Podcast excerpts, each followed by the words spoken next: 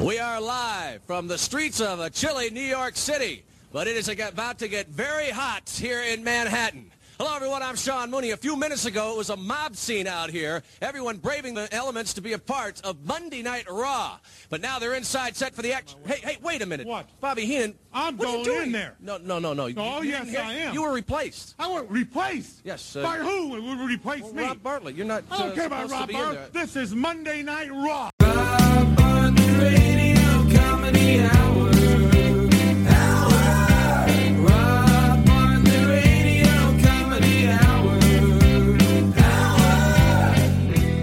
Welcome, boys and girls, to the Rob Bartlett Radio Comedy Hour, Season 4, Episode 1 Wrestling with Myself.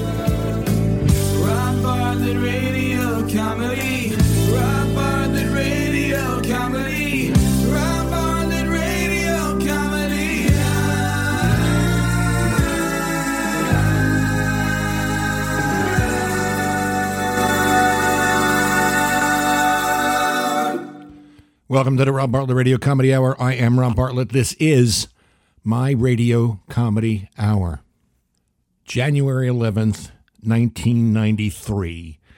A date that will live in wrestling infamy because that was the night of the premiere, the very first episode of the program that would become the cornerstone of the WWE Monday Night Raw live from the Manhattan Center in New York City, a one hour uncut, uncooked, and uncensored program that aired live on the USA Network. It featured, as its hosts, World Wrestling Entertainment mogul, the media genius and P.T. Barnum of our time, Vince McMahon, the great Macho Man Randy Savage, legendary wrestler, Hall of Famer, and then a young comic, well, not that young, he was 35, who was a regular writer and performer on the Imus in the Morning program, a man called Rob Bartlett, who would later go on to become a star of Broadway, guest star of episodic TV shows like Law and Order SVU, Ugly Betty, The Good Wife, and Elementary, and host of the very same podcast to which you now listen. But most notably has gone down in history as one of the top 10 worst announcers in professional wrestling history. Not even a minute into the very first episode of what was then known as the WWF Monday Night Raw, and it's clear to everyone that this is going to be a train wreck. A train wreck of mammoth proportions.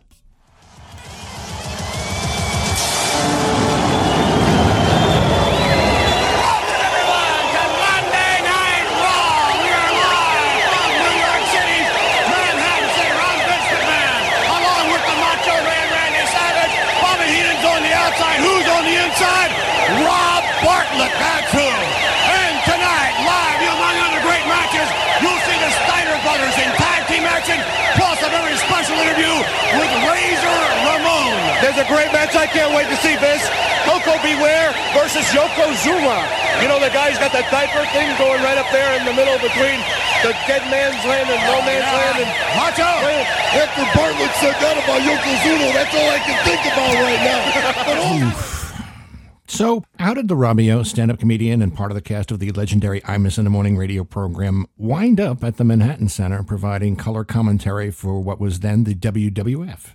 Well, let's go back a few months. It's uh, late fall. I'm doing a benefit for the Connecticut Special Olympics.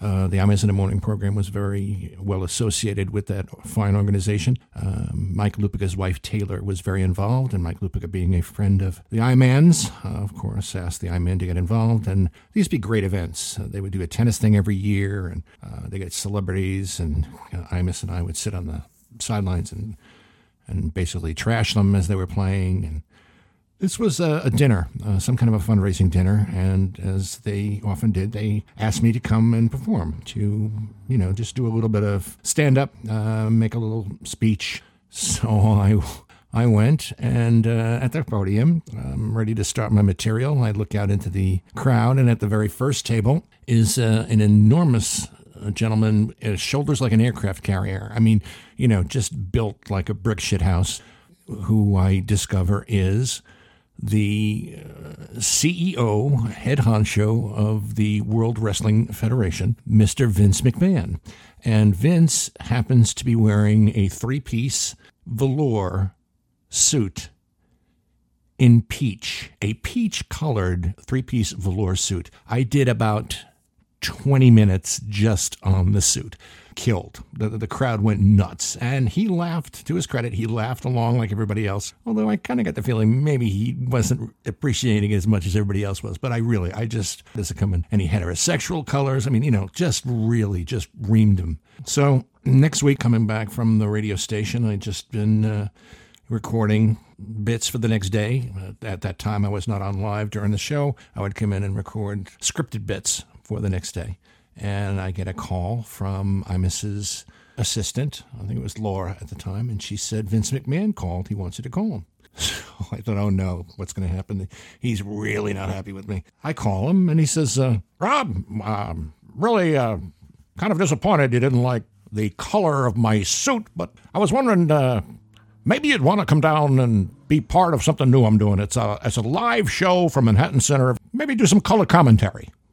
So at the time, my son, who was around 10, I think, was completely into wrestling. And I thought, wow, this would be great. You know, we'll get some free tickets and I'll get him to meet the wrestlers. And it could be fun. Do, do something different, live television every week. So, of course, I say yes.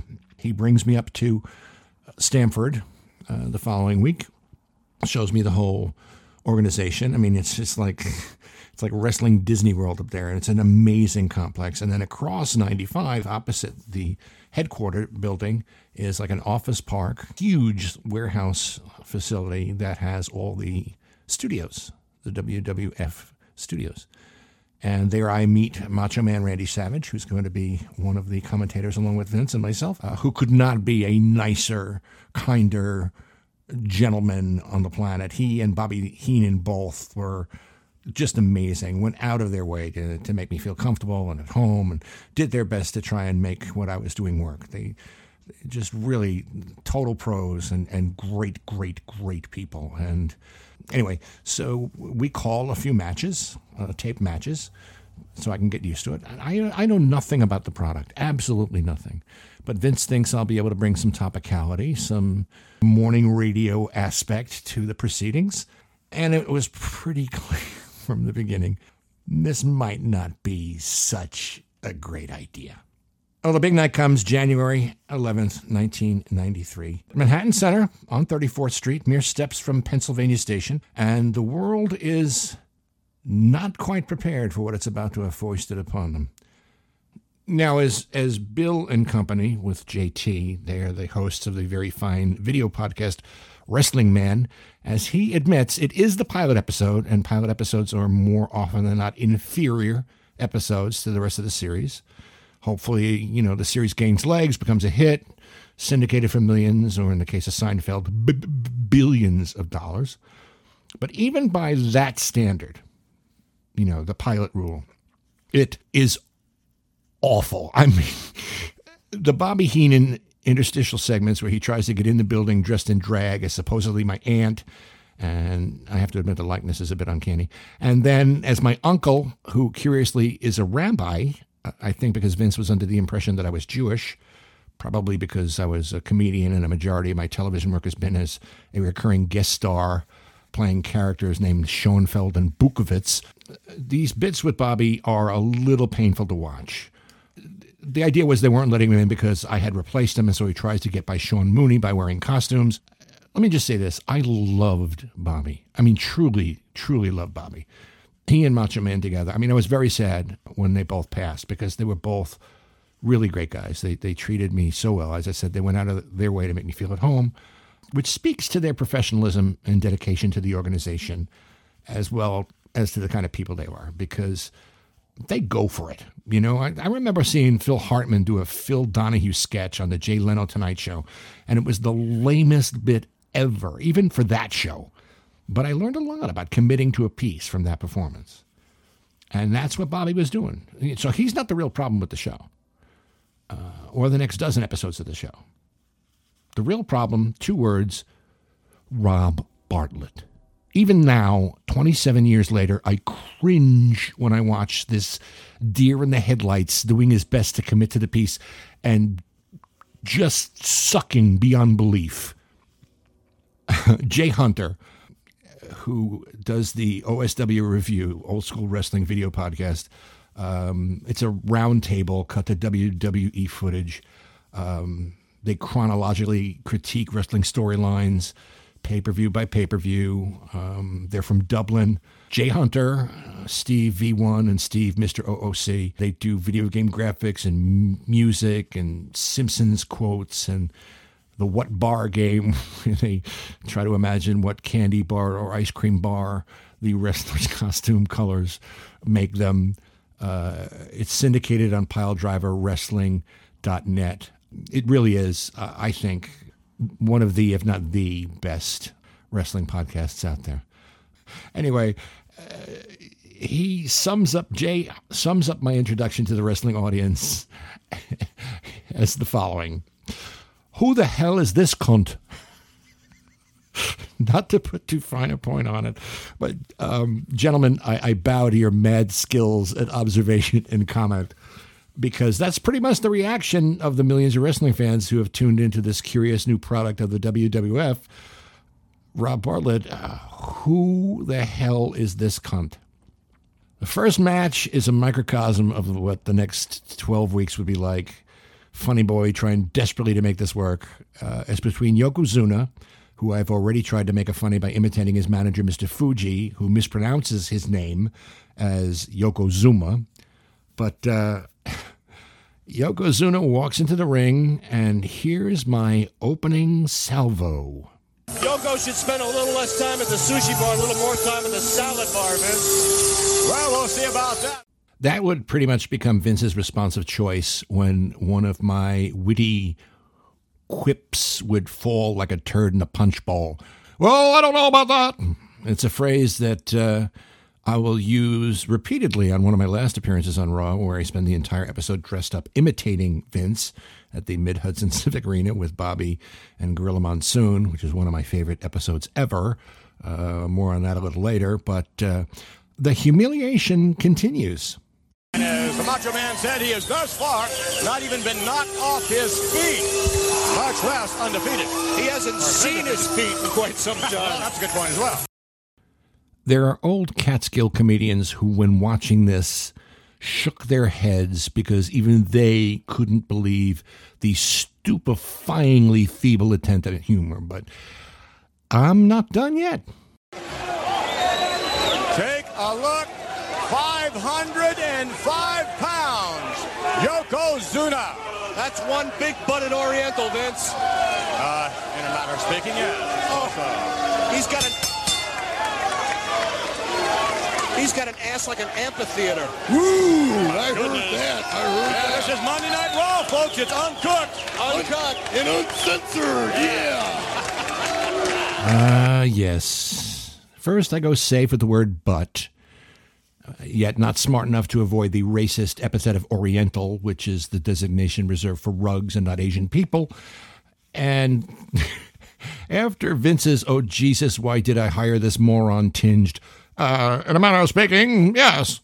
I'm so desperate to land a joke at this point, I almost step on the bell, signaling the beginning of the match with, he's got an ass like an amphitheater the line with which I will most be attached to when I am mentioned with disdain on nearly every wrestling publication, blog, podcast, or YouTube review.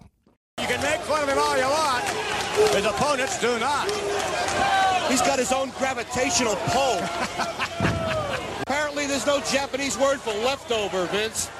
I suppose not. There's about to be an earthquake here in New York City. Busted! Oh, no! My goodness. Record players just skipped and Guam.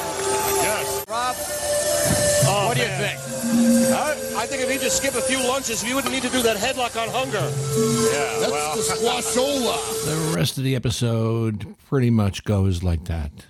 Most notably, an ill conceived, like Bay of Pigs ill conceived idea where supposedly Mike Tyson phones in to comment on what's going on because Mike Tyson was one of the voices I used to do in the IMUS program. Here's the aforementioned wrestling man uh, with his views on my debut. The uh, commentating team for this episode Vince McMahon, Macho Man Randy Savage, and comedian Rob Bartlett. And I use the term comedian loosely. So we start with our opening match Koko B. Ware against Yokozuna. To which Rob Bartlett says in the beginning of the match, Yokozuna's ass looks like an amphitheater. yep. Yep. So, what were my thoughts on the very first episode of Monday Night Raw? Well, to be fair, the pilot's not always going to be a good episode. It just felt weird for Rob Bartlett to be doing commentary. And he's either botching these on purpose or he doesn't know any of these guys. Like he calls Yokozuna Yokozuma, although Mr. Fuji does that, so I'll give him a pass. And then Doink the Clown, and then that horrible Mike Tyson impression. Good God Almighty. I mean, it's still, it's not that good of an episode. It really isn't. This show is really not that good. I think the best moments were Bobby Heenan trying to get into the building. But other than that, uh, I did not enjoy that episode of Raw. Well, there you have it. A guy who who is a fan of the product with his bone chillingly accurate assessment of what transpired uh, on January 13th, 1993. Now, I had a couple of good moments along the way. I got to interview Rick Martel, uh, which I thought went relatively well. You've seen him twice earlier tonight, uh, stealing the cards away from the Raw girls. Rick Martel, what is your deal, man? First, take a look at yourself, Rob Bartlett. look at the way that you dress.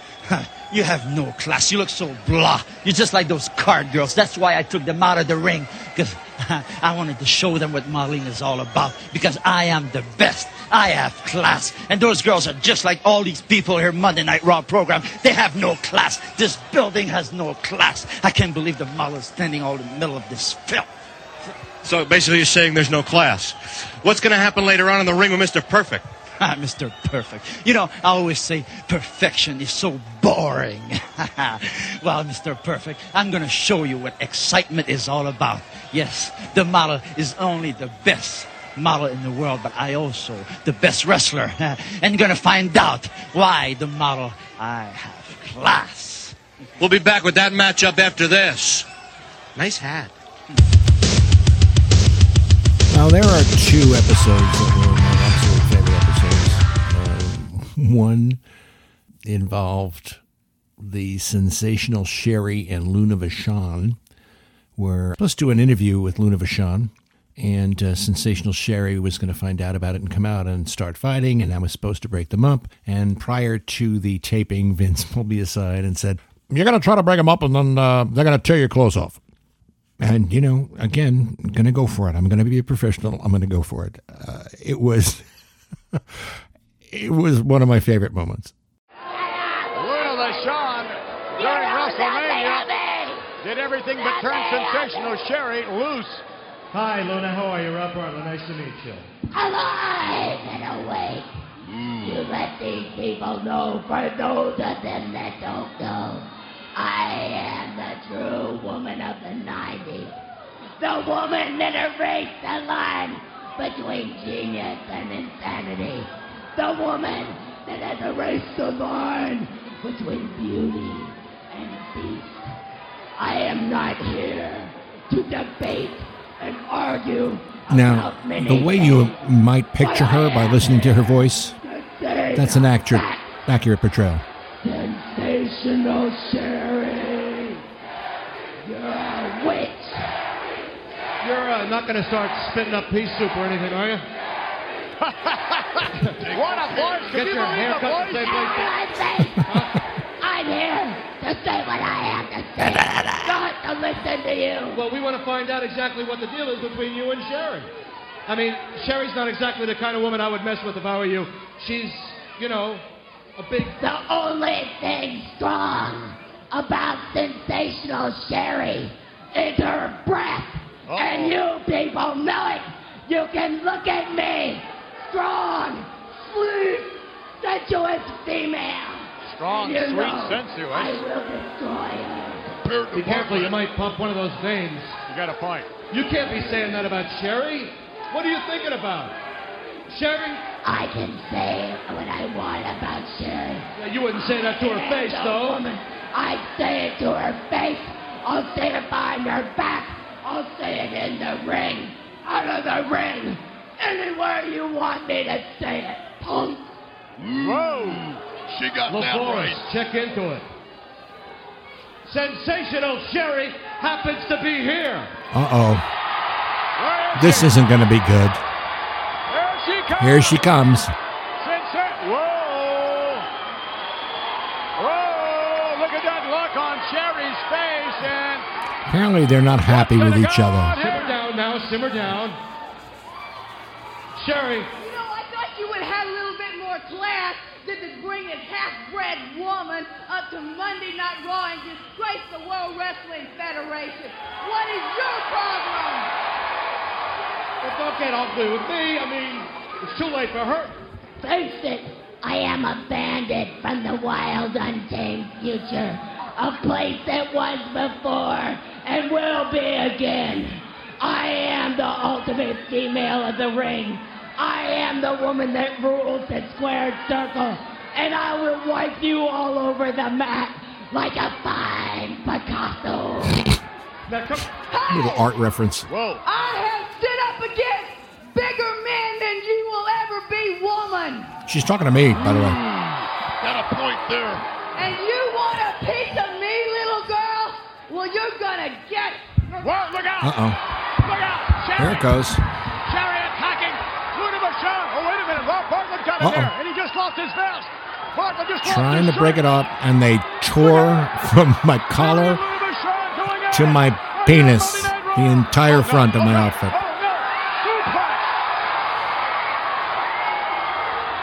Oh, Unbelievable. So then I do my, my trademark finishing move, which is running in terror from the arena to the backstage area, where I got the the makeup lady Sharon, I think her name was, to make me look like I'd just been through the mill. She gave me a black eye. She gave me uh, a lump, blackened out one of my teeth, uh, made my nose bloody, my mouth bloody, tore my shirt. And I came staggering out after the break like I was lightheaded and collapsed. And Macho Man ran over and slapped me in the face to wake me up. And I did the rest of the show uh, with the headset dressed like that until it was over. And for the first time, I actually connected. I actually, the, the, the crowd actually liked me at that point. It was like, I don't know what happened. I don't know if I was a heel or a baby face, but either way, there were kids waiting for my autograph when we came out. And I thought, okay, this is going to work. No. So one night we are in the Mid Hudson Civic Center, uh, which is where we would be once a month. I think they could only do the Manhattan Center three times a month because it was, wasn't available once a month. I'm not sure why, but we used to go to the Mid Hudson Civic Center up in Poughkeepsie, and Vince and Randy weren't going to be there because they were receiving an award. I think the two of them and Hulk Hogan, if I'm not mistaken, and it was an award for all the charity work that they do because. I got to tell you, one of the things that the WWE is famous for and should be famous for, uh, I don't think they nearly get enough credit for, is the amount of charity work that they do. Unbelievable how many of these, I mean, all the wrestlers go and do these charity things four or five times a week. They visit hospitals, they visit sick kids, they do the Make a Wish. It's, it's amazing. Anyway, so Vince, Randy, and Hulk were getting an award. And so it was a Monday. So Bobby Heenan and Gorilla Monsoon and I were going to be doing the show that week.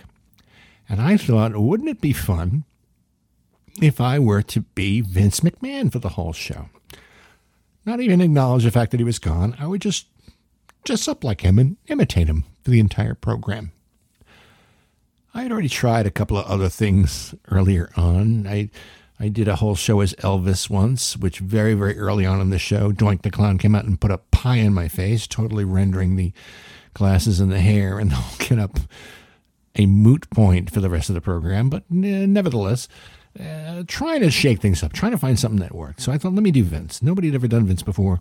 And so I went to the makeup lady again, Sharon, and I said, Can you make me look like Vince? And she said, Yeah. So I rented a tuxedo, got the red tie, I got some shoulder pads. So I had the the shoulders like an aircraft carrier. I had her make my my lips very pronounced. I got the hair the right way. She gave me the spray tan, and it was Bobby Gorilla and myself known as Not Vince McMahon.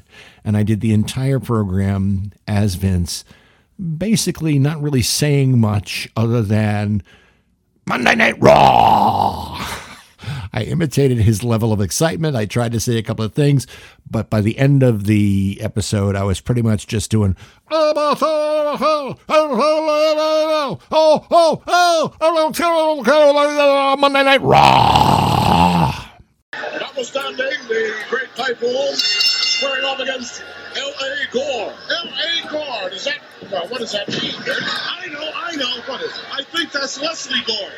It is my party. No, maybe not. Stop. It's the wild stab. I don't know about that, Brain. He didn't never us. L.A. Gore typhoon here. Live from the Hudson Civic Center in Poughkeepsie, New York. Monday Night Raw. That is McMahon. I know it. I can tell by that voice. Have you, have you seen the guys with the white coats and the net? No. Well, they'll be coming this way very shortly. From the net house? That means he's the head cashew. L.A. Gore, as it turns out, happened to be a bouncer at a comedy club that I did in Northport. Oh, he's falling off backwards on his back. L.A. Gore hitting the ball. Hey, Vince, what time does that suit have to be back? Oh, I don't know, Bobby the Brain. I like the way you sewed the back up. What? Would you stop? This is my chance to get him. My chance. Was that a little uh, too real there from Bobby the Brain? Wanting to get back at Vince? Headbutt to the stomach area.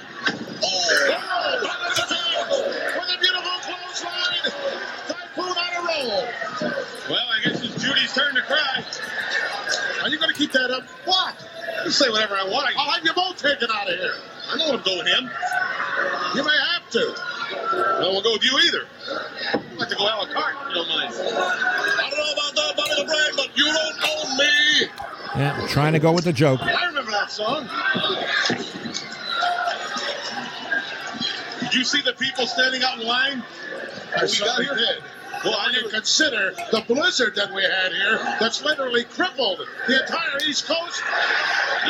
What is what that is for the WWF? And I saw Vince standing out front too. I never saw that much yellow snow. What was he? What was he selling out there? Used suits. Nonetheless, Bobby the Brain, yellow snow outside the lot. There is no yellow streak here in the ring. Power slam by the big guy. I think he knocked him out, Brain. I think he did too.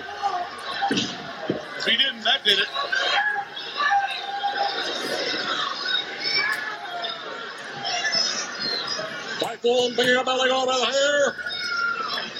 Throwing him back towards the turnbuckle area. He's almost incoherent. McMahon or Typhoon? It was pretty incoherent, but that was the point. You know, when all was said and done, I have no regrets. I have only fond memories my time with the WWF. Met some great, great people. Worked with some real true pros, some legends, really wonderful, wonderful people. Some of the best people I've ever worked with in my career, period. Vince is to be credited for getting such great people to work for that organization. I just knew that it wasn't going to work. So after about 13 weeks, I think it was, I called Kevin Dunn, the producer, and I said, I'm not helping this show. I think this show is going to do fine by itself without any help from me. And uh, I'm just going to beg off. And I wish you guys all the best. Kevin was disappointed. He tried desperately to get me to reconsider. He had ideas uh, to expand my role. I had an idea to do a wrestling sitcom for the network to do a version of Saturday Night Live for the network using the wrestlers as sketches.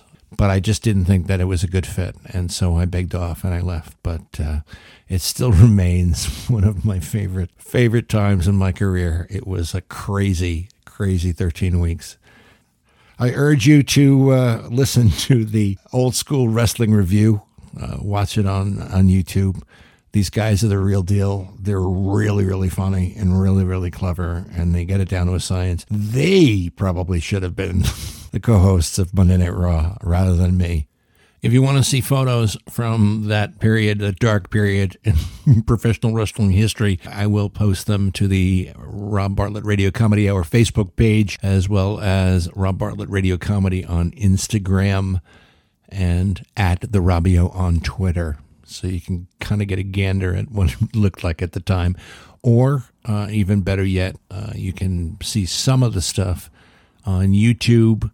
But what you really should do is you should subscribe to the WWE network because it's all there in its really pathetic glory. My son is a subscriber, and well, I saw your uh, your episode where you did Elvis the whole time.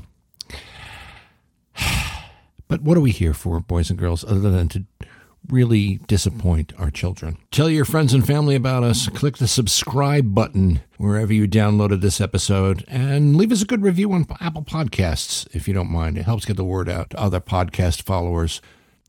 Our program produced by Gary Grant and me, Rob Bartlett. Actorized by me, Rob Bartlett. Written by the great Andrew Smith, along with me, Rob Bartlett. The Rob Bartlett Radio Comedy Hour theme, music and lyrics by Gary Grant, recorded and performed by Steve Mecca. All stunts done by me, Rob Bartlett. Mr. Bartlett's Wardrobe by Botany 500. No animals were harmed in the production of this podcast. We'll see you again next time on the Rob Bartlett Radio Comedy Hour, boys and girls. And until then, be good to each other, won't ya?